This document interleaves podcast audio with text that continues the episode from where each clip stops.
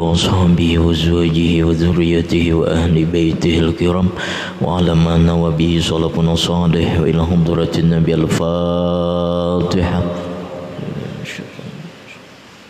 الحمد لله رب العالمين. إياك نعبد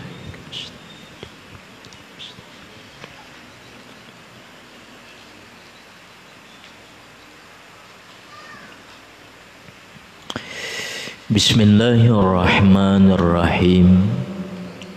Alhamdulillahi Rabbil Alamin. Wabihi nasta'in ala dunya waddin Wassalatu wassalamu ala ashrafil anbiya wal mursalin. Sayyidina wa maulana Muhammadin Wa ala alihi wa sahbihi ajma'in. Amma ba'd Qala musannif rahimahullah wa bihi wa bi ulumihi fid dharaini amin. Yang kita cintai dan kita muliakan para alim ulama tokoh-tokoh agama para hadirin wal hadirat yang dimuliakan Allah Marilah kita panjatkan puja dan puji syukur kehadirat Allah Subhanahu wa taala yang telah memberikan kita hidayah inayahnya sehingga kita bisa berkumpul kembali di tempat yang penuh barakah ini. Salawat dan salam tak lupa kita haturkan kepada junjungan kita Nabi besar Muhammad sallallahu alaihi wasallam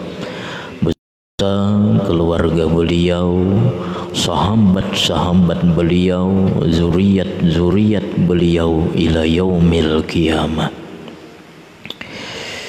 Mengenal nama Allah Al-Qahar.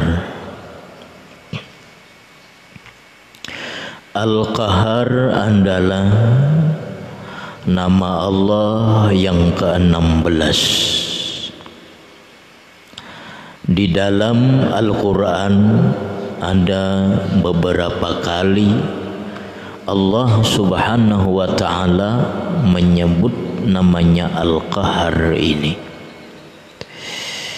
Di antaranya Allah berfirman, "Qul innama ana munzirun wa ma min ilahin illallahul wahidul qahhar." Surah Sad Artinya katakanlah wahai Muhammad Sesungguhnya aku hanya seorang yang memberi peringatan. Dan sekali-kali tidak ada Tuhan selain Allah Yang Maha Esa dan Maha mengalahkan Atau Al-Qahar tadi jadi secara singkat Al-Qahar ini artinya yang maha mengalahkan.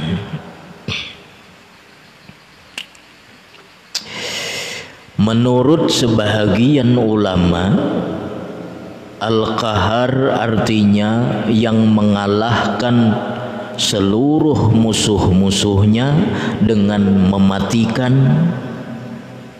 ditundukkan dan dihinakannya jadi Al-Qahar itu mengalahkan musuh-musuhnya dengan mematikan, menundukkan dan menghinakan. Jadi kalau sudah ditajalli Al-Qahar ini, maka orang yang tadi mulia bisa menjadi hina. Yang tadi orangnya tinggi bisa menjadi rendah kedudukannya. Yang tadinya hidup bisa mati. Jadi Al-Qahar mengalahkan musuh-musuhnya dengan mematikan, menundukkan dan menghinakannya. Al-Qahar adalah salah satu nama Allah yang sifatnya jalaliyah yang sifatnya kebesaran ada kahar ada Jabbar Nah, ini sifatnya kebesaran atau jalaliyah. Kan sifat Allah itu ada jamal, ada jalal. Jamal ini nang ilok-ilok seperti Ar-Rahman, Ar-Rahim, Al-Latif. Nah ini bagian daripada jamal keilokan Allah. Nah ada lagi jalal bentuk kebesaran keperkasaan Allah. Nah di antaranya di situ ada Al-Jabbar dan Al-Qahar. Nah kahar ini artinya memaksa, menundukkan, mengalahkan. Jadi Al-Qahar ini yang bentuknya merupakan nama Allah dari bagian Jalaliyah yang menggetarkan.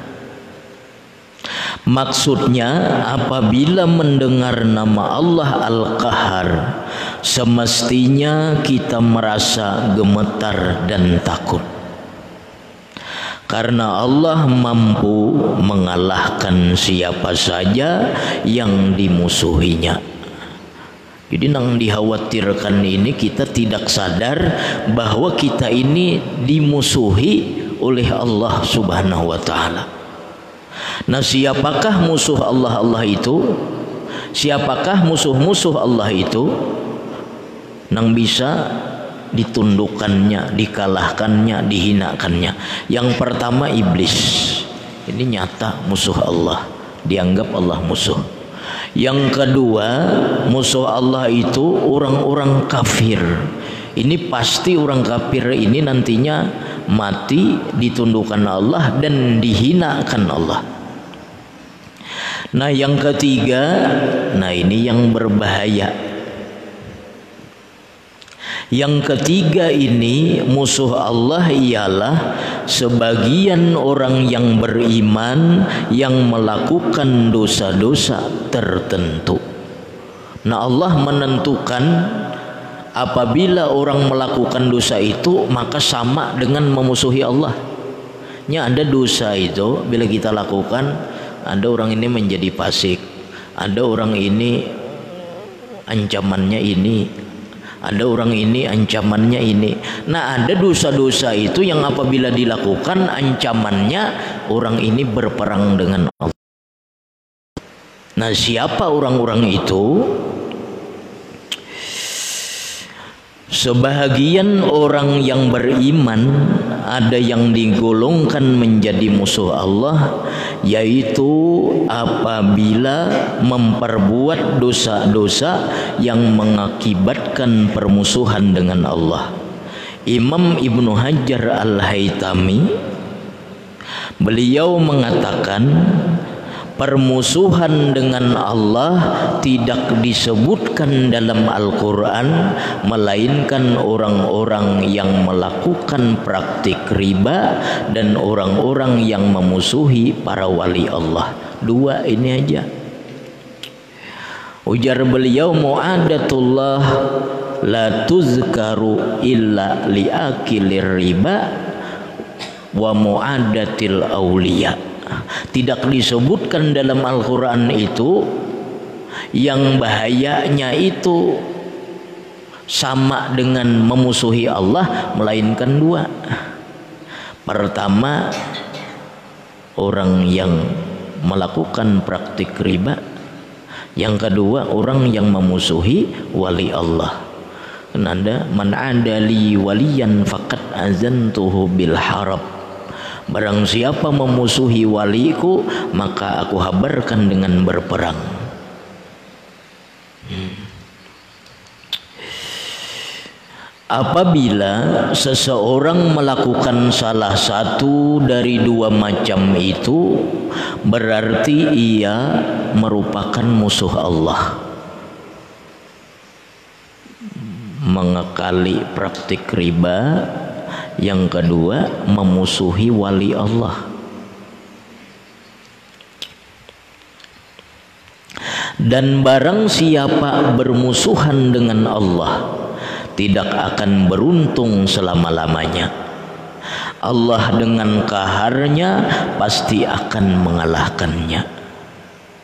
Apabila kita mati membawa riba artinya orang ini sebelum tobat daripada riba mati. Nah lain halnya orang ini dahulu pernah mengerjakan riba Tetapi sebelum mati ia sempat tubat Nah ini tidak termasuk dalam ancaman. Yang termasuk dalam ancaman Orang ini belum berhenti daripada riba Dan belum tubat daripada dosa riba Kemudian mati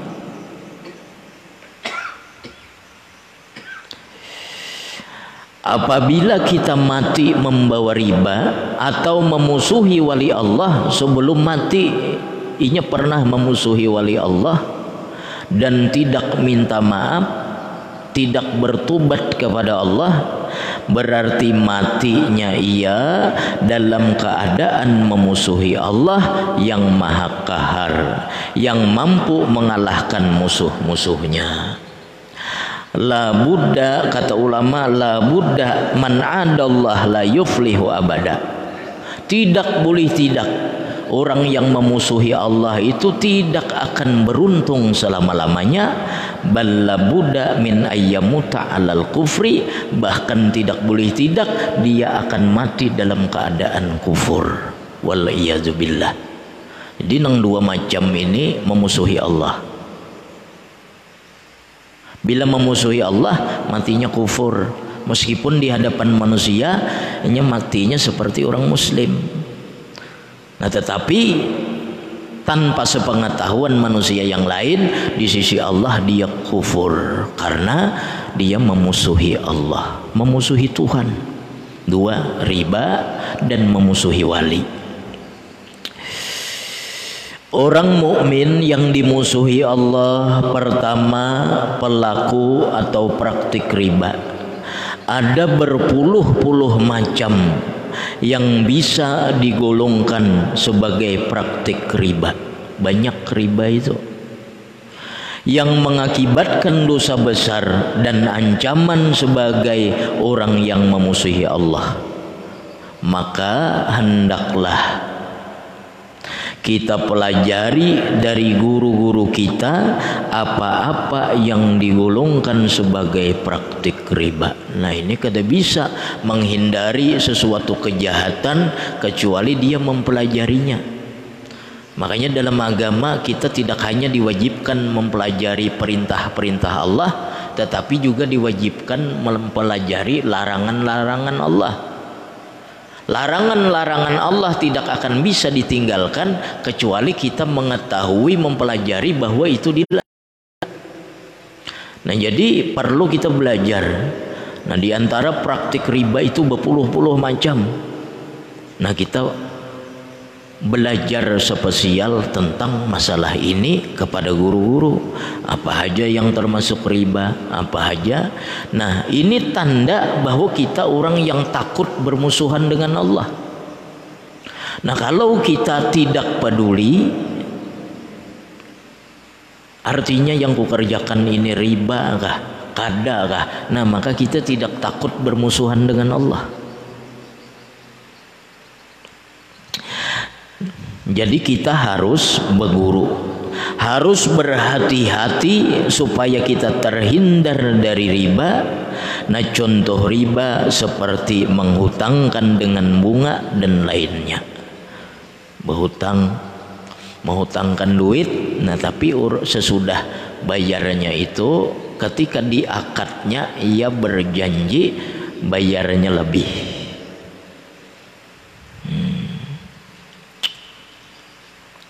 Yang kedua, orang yang dimusuhi Allah itu orang yang memusuhi aulia Allah, memusuhi wali, memusuhi kekasih Allah.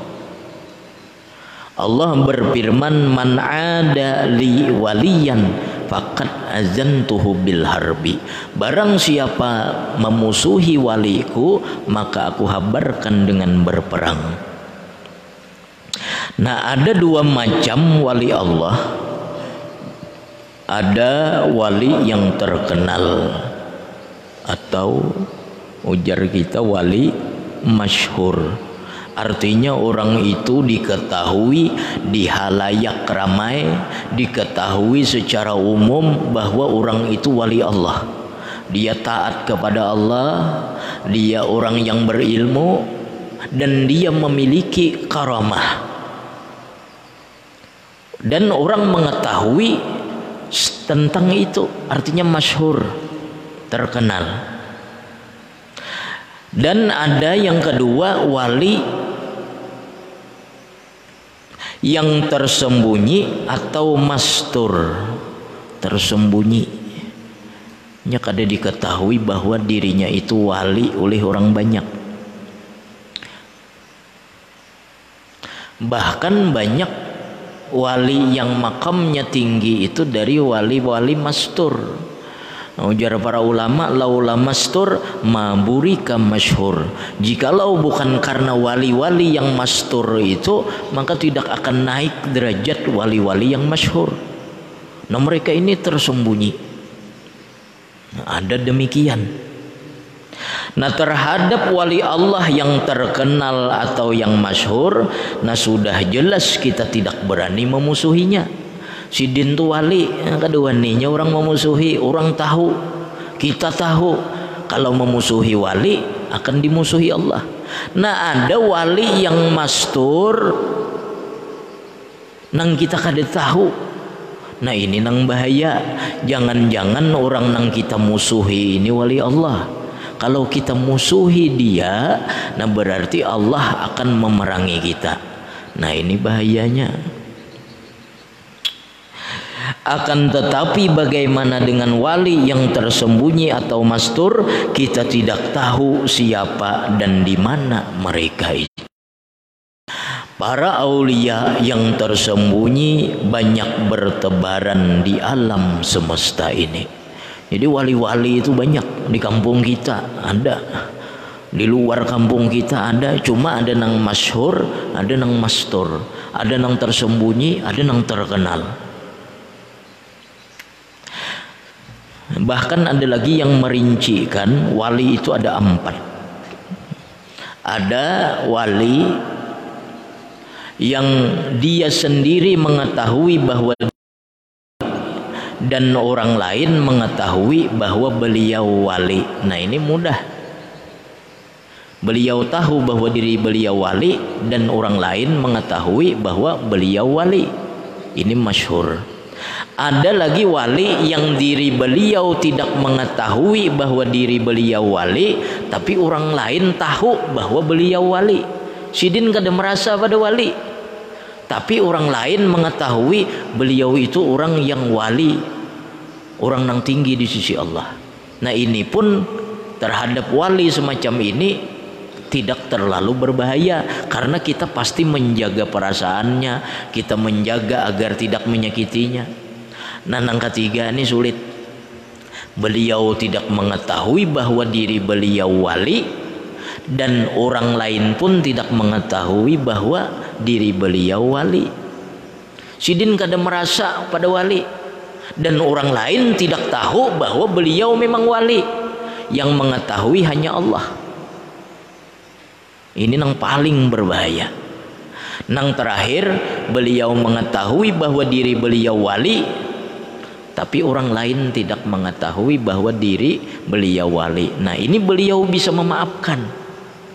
Beliau bisa memaafkan orang lain karena diri beliau tahu orang yang menyakiti beliau, memusuhi beliau akan dimusuhi Allah. Nah, maka beliau memaafkan. Nang bahaya ini nang ketiga tadi. Beliau tidak tahu bahwa beliau wali dan orang lain kada tahu juga. Nah, barangkali tetangga kita itu barangkali orang yang kita musuhi itu. Nah,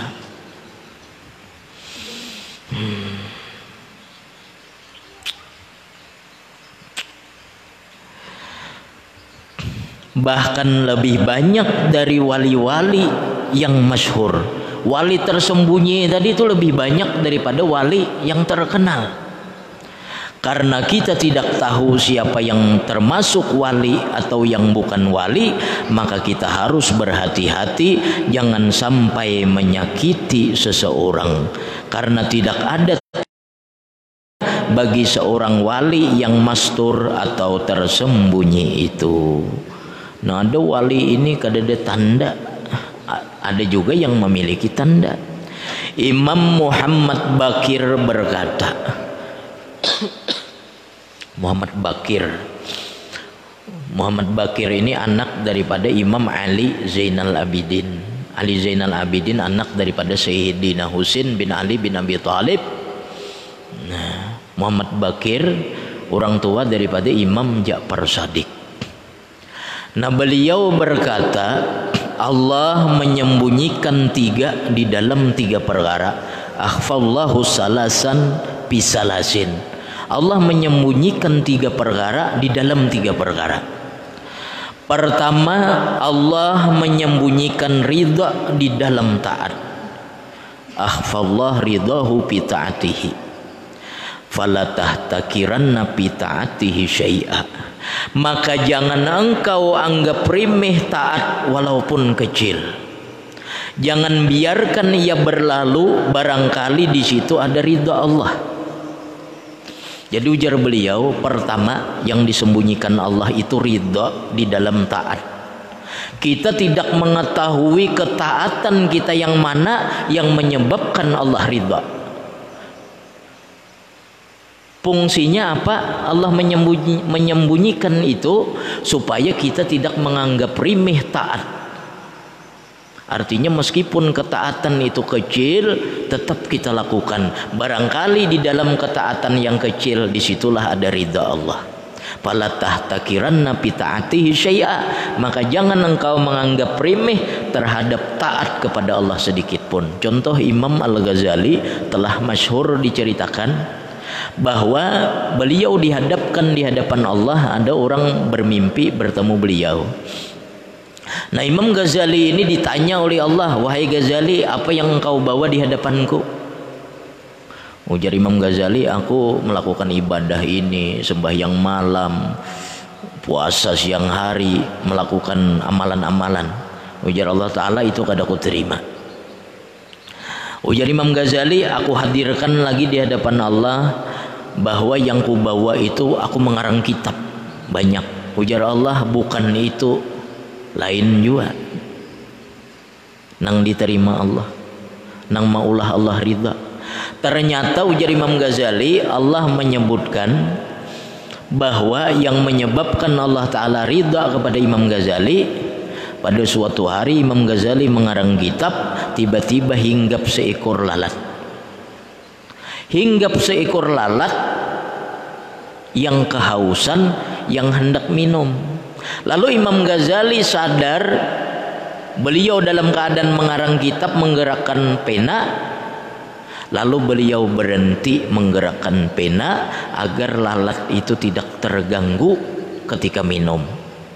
Ketika lalat terbang baru Imam Ghazali melanjutkan menulis. Jadi beliau berhenti menulis karena kasih sayang kepada lalat tersebut agar lalat tersebut tidak terganggu ketika minum. Ternyata di sini Allah meridai seorang hamba meridai Imam Ghazali banyaknya Imam Imam Ghazali ini beramal ternyata amal yang kecil ini yang menyebabkan beliau diridai Allah. Nah makanya akhfallah ridahu fi ta'atihi fala tahtakiranna fi ta'atihi syai'a. Allah menyembunyikan keridaannya di dalam taat kepadanya. Jangan anggap remeh taat kepada Allah sedikit pun. Barangkali di amalan yang kecil itu ternyata di situ ada ridha Allah. Ah. Jangan malas, jangan rim, menganggap remeh dengan amalan. Anak bersedekah. Biasa terbiasa bersedekah atau berinfak sejuta. Hari itu ada anak berinfak cuma duit 20 ribu. Rasa supan terbiasa sejuta Nah, bila rasa supan berarti kada ikhlas nang sebelumnya itu. Nah, barangkali nang 20 ribu ini nang diterima Allah. Jadi jangan jangan apa menganggap remeh dengan amalan yang kecil. Mengerjakan sunnah jangan yang besar-besar jangan hanya yang kecil kerjakan. Meskipun hanya sebatas memakai sandal dengan kaki kanan melepas dengan kaki kiri itu dianggap remeh itu barangkali di situ ada keridaan Allah.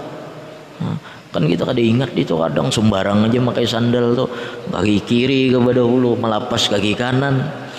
Hmm. barangkali di amalan yang kecil di situ nah, disembunyikan. Kedua Allah menyembunyikan murka di dalam maksiat. Ahfallah suhtahu bi maksiatihi Allah menyembunyikan murka di dalam maksiat. Fala tahtakiran nabi maksiatihi syai'a. Maka jangan menganggap remeh dalam maksiat kepada Allah sedikit pun. Bahkan ada apa juga aja ini dosa kecil juga. Barangkali di dosa kecil di situ Allah meletakkan murka. Kenapa? Allah berfirman kepada Uzair ujar Allah wahai Uzair iza aznabta zamban sawiran falatanzur ila siwarih panzur ila man aznabtalah. Apabila engkau melakukan dosa kecil wahai Uzair falatanzur ila siwarih maka jangan pandang kepada kecilnya dosa tersebut. Fanzur ila man aznabtalah maka pandang kepada siapa engkau melakukan dosa baik kecil maupun besar itu sama-sama merupakan penentangan kepada Allah. Halus juga aja dosanya tapi sama. Halus itu nang ditentang siapa? Allah juga. Barangkali di dosa yang kecil ini Allah murka kepada hamba Nah telah diriwayatkan sering kita dengar cerita ada seorang wali Allah dicabut kewaliannya gara-gara hanya menyembelih binatang, menyembelih kambing di hadapan anak-anak kambing. Mamanya disembelih, kan kada ada sifat kasih sayang itu. Nah Allah murka, Allah cabut kewaliannya. Jadi ingatin yang menyembelih kambing, menyembelih sapi, jangan di hadapan anaknya, anaknya melihat mamanya disembelih. Nyembelih ayam enggak simpani dulu anaknya. Karena ada seorang wali dicabut kewaliannya gara-gara melakukan demikian. Nah ini kada menyangka itu. Di dalam hukum kada ada larangan itu. Sembelihannya tetap sah tapi kada ada sifat kasih sayang. Nah anaknya melihat mamanya dipotong Barangkali di maksiat yang kecil tersebut ada murka Allah, maka jangan dianggap remeh. Nah, yang ketiga, ya kah?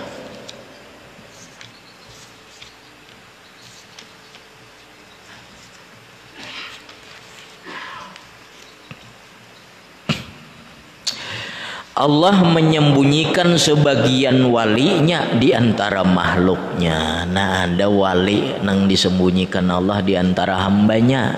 Ahfallah waliyahu fi ibadihi fala tahtakiran nabi ibadihi ahada.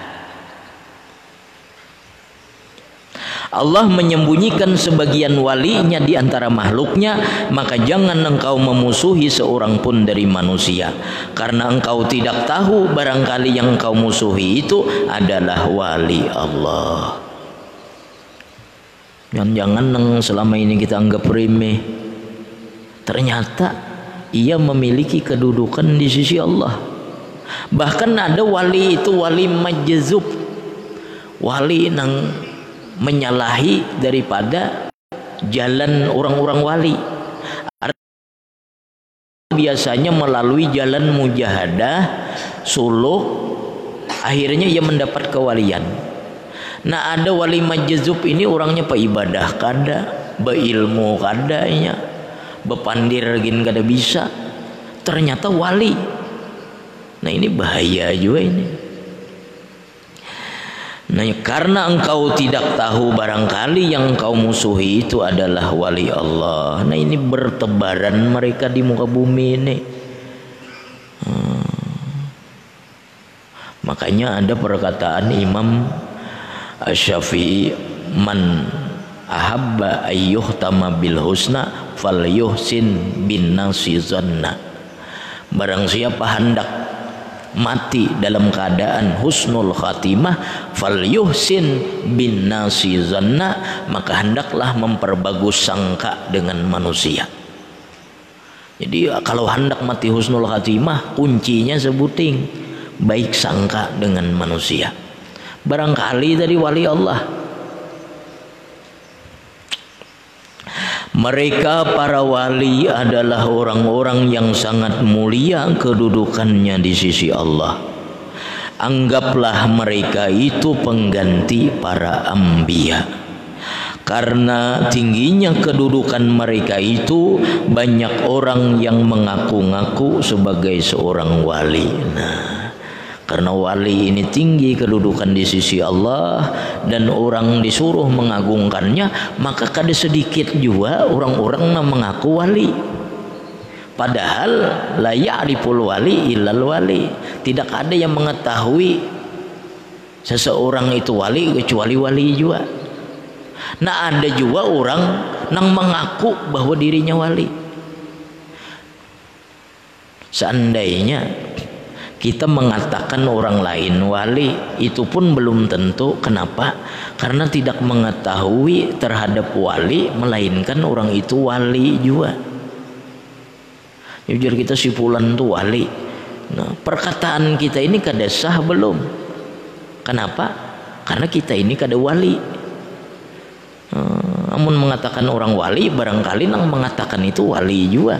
Karena kaidah para ulama tidak mengetahui kepada seorang wali melainkan wali. Jadi jangan sembarangan menyebut orang wali apalagi bekaku diri wali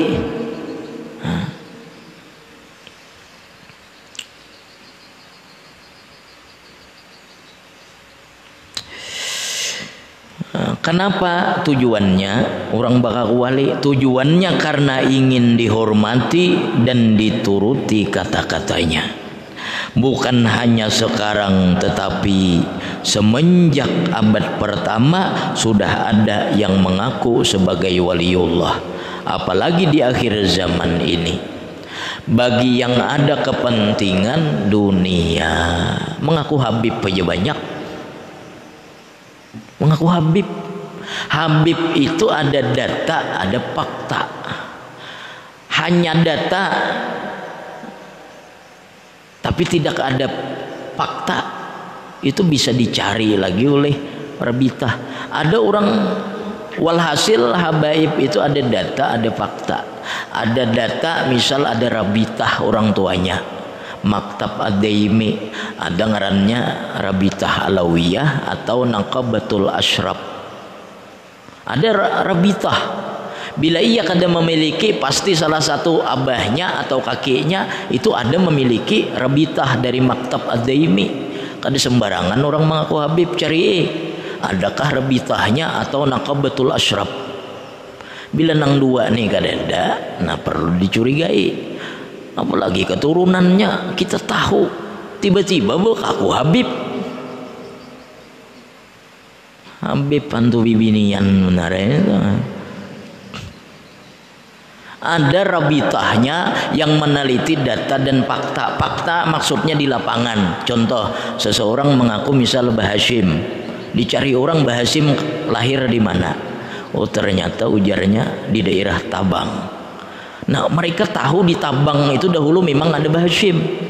Nah itu fakta ngarannya. Kemudian dicari lagi lima susunan silsilah dan disertakan ada rabitah orang tuanya. Nah baru ketahuan orang itu sahih dia adalah keturunan Nabi kita Shallallahu Alaihi Wasallam. Karena keturunan Nabi kita ini terjaga. Hmm, aku Habib banyak. Bakaku Al-Banjari. Pada segampang-gampang mengaku Al-Banjari ini tuh. Si Arsad Al-Banjari Begalar Al-Banjari karangan Sidin Sabilal Muhtadin. Abdul Samad Begalar Al-Banjari karangan Sidin Syaru Salikin. Apalagi Hidayatul Salikin. Siapa lagi? Al-Banjari Napis Al-Banjari karangan Sidin Dur Napis seorang bergelar Al-Banjari napa ayo. Ada kegempangan. Bergelar Al-Banjari Al-Banjari itu Al-Qutai. Hmm. artinya gelar itu kada sembarang. Orang dahulu itu bergelar pasti orang itu orang hebat orang mulia. Jangan dinisbahkan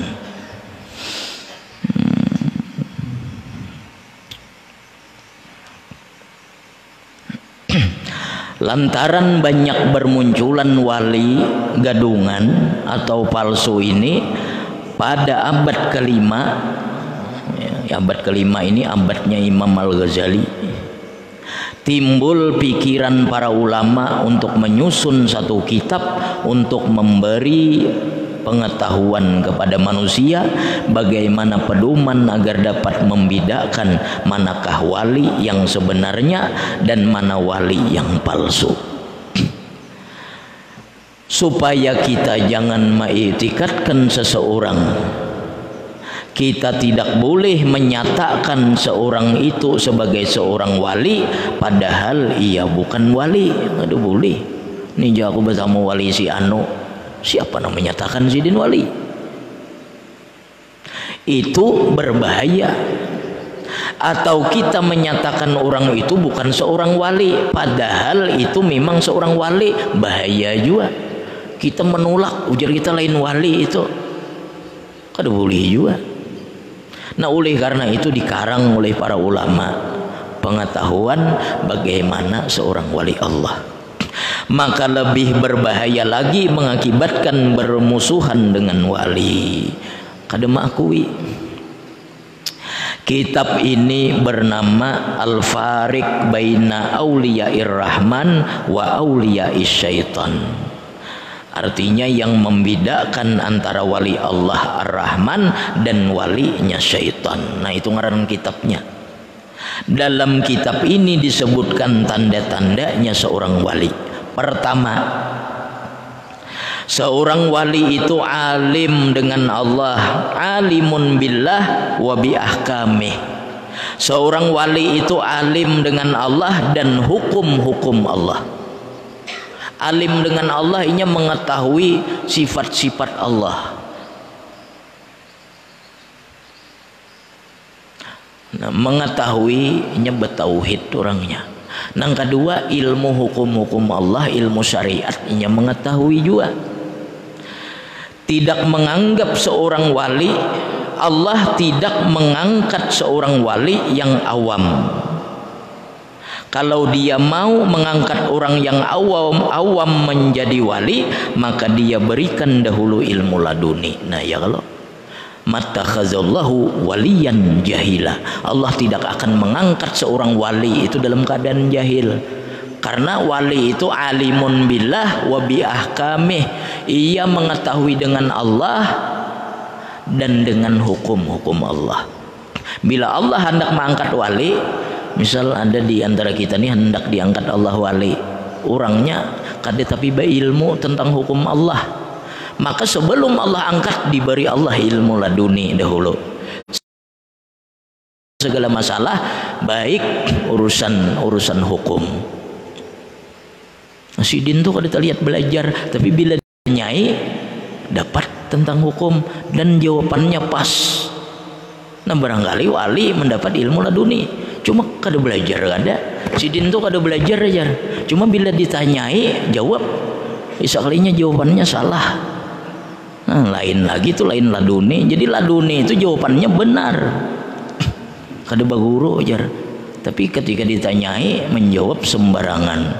Kada sesuai dengan apa yang ada baik di Al-Quran dan hadis maupun ijma ulama atau kias. Jadi pasti wali itu orang nang alim satu. Yang kedua sumtuhu aksaru min kalamih diamnya orang itu lebih banyak dari bicaranya Maksudnya apabila berbicara wali masyhur itu ia berbicara dengan ringkas dan jelas, tidak kotor, tidak berdusta dan tidak memperkenalkan kebaikan diri. Ini cirinya yang kedua. Orangnya banyak diam, kemudian ibarat berbicara yang keluar di mulutnya itu selalu hikmah. Dan ia kada bulu, kada pernah memperkenalkan kebaikan diri. Artinya kebaikan-kebaikan yang ia lakukan tidak diperkenalkannya, tidak dijelaskannya. Kan ada kita biasa berkisah-berkisah ujung-ujungnya mengisahkan kebaikan diri. Nah wali gak ada mau itu. Karena ia tenggelam dalam ya, apa istighraq billah bil hakikah. Ia tenggelam dalam hakikat. Artinya ia tidak pernah menganggap yang melakukan kebaikan itu dirinya. Makanya ia kada pernah menunjukkan menceritakan bahwa dirinya baik. Karena ia istighraq bil hakikah. Ia tenggelam dalam hakikat. Hakikatnya yang berbuat itu Allah tidak ada daya dan upaya kecuali Allah. Jadi ia kada menisbahkan amal kebaikan kepada dirinya. Nah ini yang kedua. Yang ketiga tidak memperdulikan orang-orang yang mencela dan memusuhinya. Artinya kadang menanggapi dan kadang melawan. Dimusuhi orang kadang dihirani orang dipitnah orang. Ini kadang membalas kadang melawani. Iza aradallah ayyuthifa abdan lahu man yazlimuh. Apabila Allah hendak memberikan seseorang itu perkara mulia termasuk mengangkat dirinya jadi wali qayyadalahu man yazlimuh Allah kaitkan orang yang menzalimnya. Nah ini sudah kebiasaan Allah ini sudah sunnatullah bila Allah hendak mengangkat orang jadi mulia Allah kirim orang yang menzalim kepadanya Allah kirim orang yang menyakitinya Allah kirim orang yang memusuhinya kayak Nabi kita ada Abu Jahalnya Zaman Imam Syafi'i ada Abu Jahalnya. Zaman Imam Malik, zaman Imam, zaman Imam Ghazali. Di zaman setiap wali ada terus Abu Jahalnya dikirim Allah. Di zaman kita gini banyak Abu Jahalnya. Jadi banyak di zaman kita sekarang.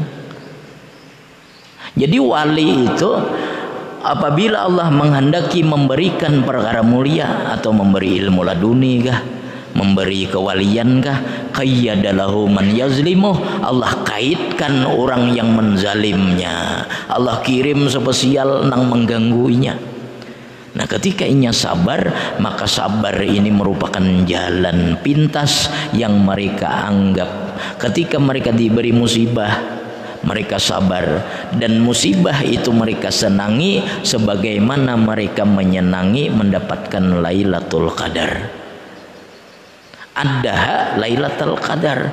Mereka menganggap musibah atau Allah mengirim orang yang menzalim itu mereka anggap Lailatul Qadar. Kenapa? Ini bisa langsung meluncat kedudukannya. Orang tuh kada diuji Allah, paginya lambat jalannya, lambat naiknya. Ketika diuji Allah semakin berat dan ia sanggup, maka ibarat kelas tiga itu layak langsung naik ke kelas enam. Makanya mereka senang dan mereka menganggap itu Lailatul Qadar lebih baik daripada seribu bulan hmm. nah. yang keempat tidak mau menyebut-nyebut kejelekan orang lain.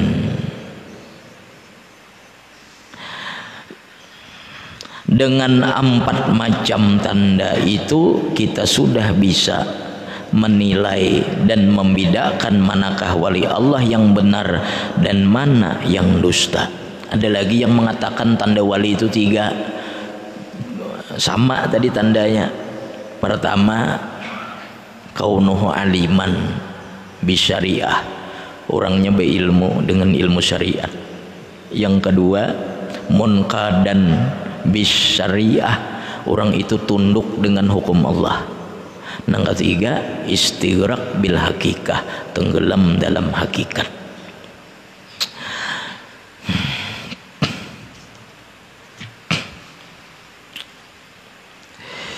membedakan manakah wali Allah yang benar dan mana yang dusta sedangkan tanda-tanda yang lainnya kita tidak melihat seperti ikhlas khusyuk dan lainnya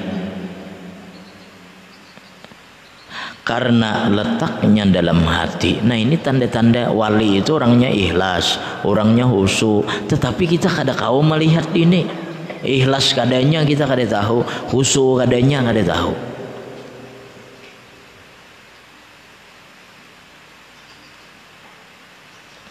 apabila keimanan seseorang pada Al-Qahar ini sudah benar ia akan meneladani makna sifat tersebut yaitu dengan cara mensiasati dan mengendalikan musuh-musuhnya agar dapat dikalahkan. Sedangkan musuh yang paling besar dan berat adalah nafsu yang berada di dalam diri. Ini apabila orang sudah beriman buah keimanannya kepada nama Allah Al-Qahar ini dia akan mensiasati musuh supaya musuh itu tunduk. Nah musuh yang paling besar yaitu nafsu dirinya sendiri. Wahwa sururul a'da. Nafsu ini sejahat-jahat musuh. Kenapa jadi sejahat-jahat musuh? Andaknya di diri di dalam Uh, di dalam kitab Kifayatul Atqiya itu disebutkan ta'arrafin nafsa wala ta'man gawa ilaha innan nafsa akhbasu min sab'ina syaitana. Kenalilah olehmu akan nafsu dan janganlah engkau merasa aman terhadap tipu dayanya innan nafsa akhbasu min sab'ina syaitana. Sesungguhnya nafsu itu lebih jahat daripada 70 syaitan. Kita seikung syaitan aja sulit. Nah nafsu ini lebih jahat daripada 70 syaitan. Syaitan cuma ada datuknya syaitan itu Zaman di dalam kitab Jauharatul Lu'lu, Jauharatul Lu'lu'iyah di situ ada seorang ulama menerangkan tentang faidah orang bisa berinfak di jalan Allah. Ujar beliau orang yang bisa bernafkah memberikan hartanya di jalan Allah berarti orang itu bisa mengalahkan 70 syaitan kada lawas tiba-tiba ada seorang jemaah berdiri. Ujar ulama hendak ke mana engkau? Ujarnya aku hendak balik ke rumah hendak mengalahkan 70 syaitan. Artinya hendak bersedekah. Balik ke rumah masuk ke kamar ambil duit di dalam kampil. Hendak keluar rumah dihalangi nang bini di muka kamar. Ujian nang bini kenapa itu? Gasan apa duit ujarnya hendak bersedekah di jalan Allah. Ujar nang bini kagak gampangan. Kita gin banyak keperluan perlu ini perlu itu. Mencari lapah. Ini nyaman benar hendak menyedekahkan. Nang laki karas tatap. Akhirnya begubal bakalahi oh, rupanya tegancang nang bini. Nang laki kalah. Dirabuti duitnya oleh nang bini tadi. Kalah nang laki. Bulik kayak ke pengajian ujian ng guru ay kenapa? Sudah kata tadi mengalahkan 70 syaitan. Ujar nang laki-laki tadi 70 syaitan aku kawa mengalahkannya. Tiba-tiba datang datuknya kalah aku. Ah. jadi ada hendak dipadahkan datunya syaitan ah, bini apabila laki hendak berbuat kebaikan jangan dihalang-halangi.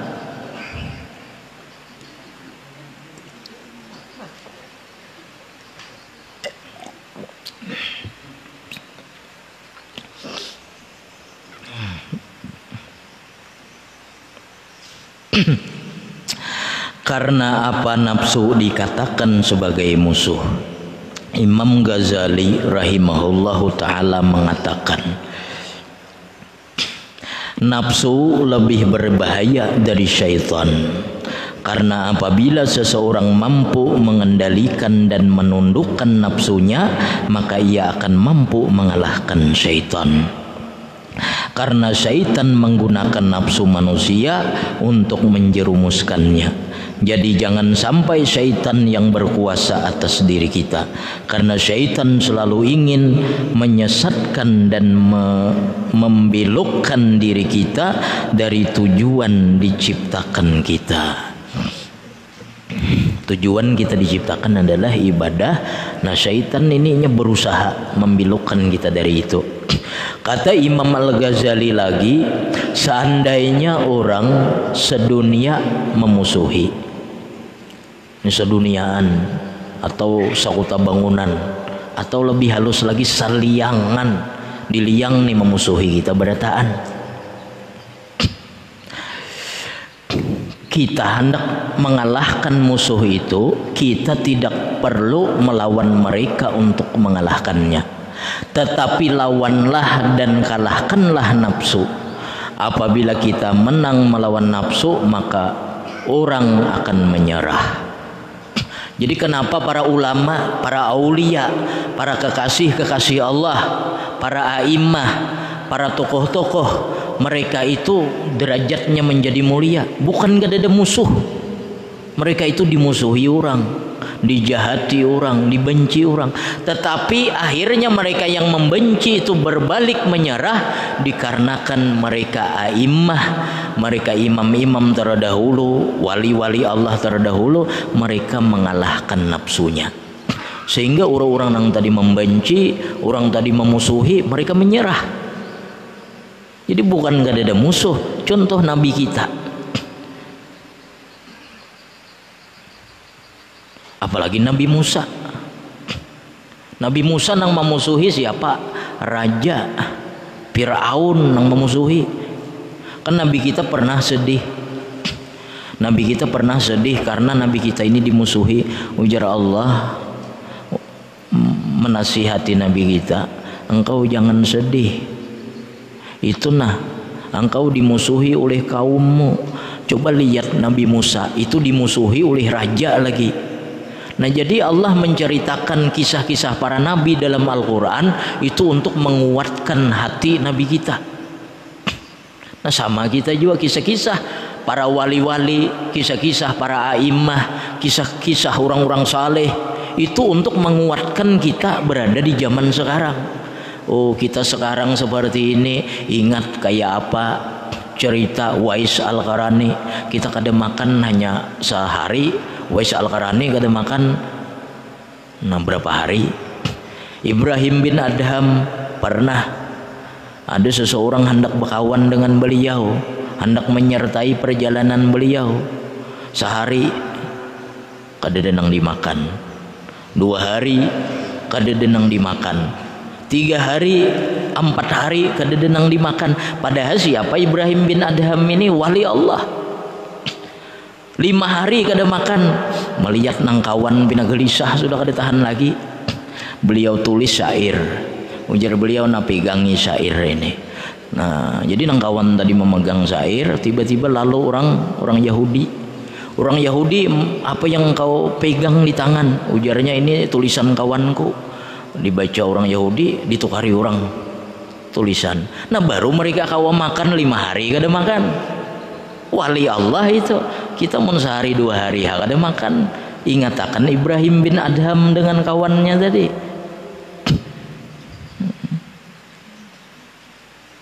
Kada iwak dia makan. Kada iwak orang bang kada denang dimakan. Nah jadi kisah-kisah orang-orang dahulu itu menguatkan kita. Nah jadi ujar Imam Ghazali kalau hendak mengalahkan mereka cukup nang dikalahkan nafsu kita. Bila kita kawa mengalahkan nafsu maka mereka akan menyerah. Kemampuan seseorang menundukkan hawa nafsunya itulah buah keimanan atau keyakinan seseorang pada asma Allah Al-Qahar. Wallahu a'lam bissawab. Nah kemudian sebagaimana nama-nama Allah yang lain Al-Qahar ini juga memiliki khasiat. Maknanya Al-Qahar di sini disebutkan yang maha keras, yang sangat keras yang mengalahkan. Hasiatnya barang siapa berzikir dengan dia. Seperti dikatanya ya kahar dibacanya tiap-tiap hari dan malam 306 kali.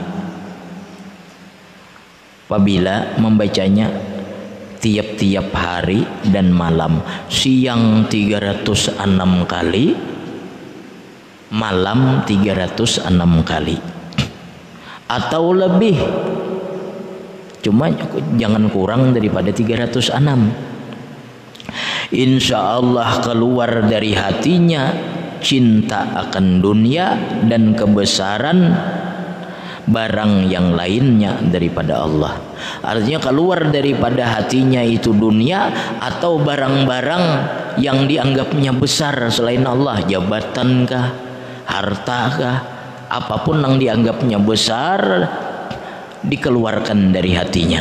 Nang ada agung di hatinya hanya Allah yang memiliki nama Al-Qahar dan zahir baginya pertolongan. Dan nampak baginya pertolongan atas musuhnya. Dan barang siapa ada baginya hajat lalu berzikir ia dengan dia ya kahar seratus kali di dalam rumahnya atau dalam masjid dan mengangkat akan dua tangannya dan membuka ia akan kepalanya. Maksudnya menengadah. Tangan dibuka wajahnya menengadah ke atas. Dan membuka ia akan kepalanya menengadah ke atas. Tangan dibuka ya kahar ya kahar ya kahar seratus kali. Insya Allah ditunaikan hajatnya.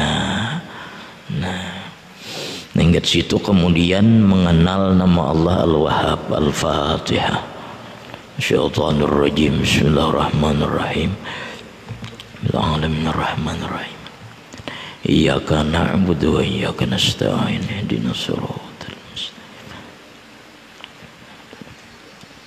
Bismillahirrahmanirrahim.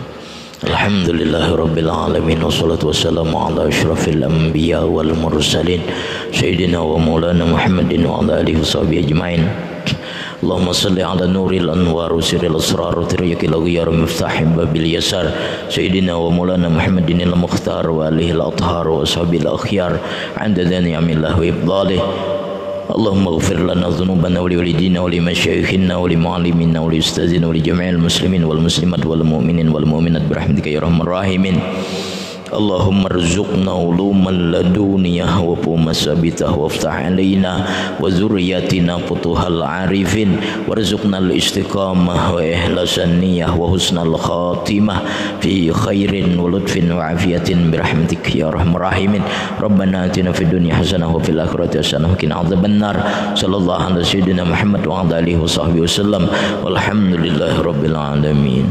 فيا أيها الراجون منه شفاعة صلوا عليه وسلموا تسليما. اللهم صل وسلم وبارك عليه وعلى آله.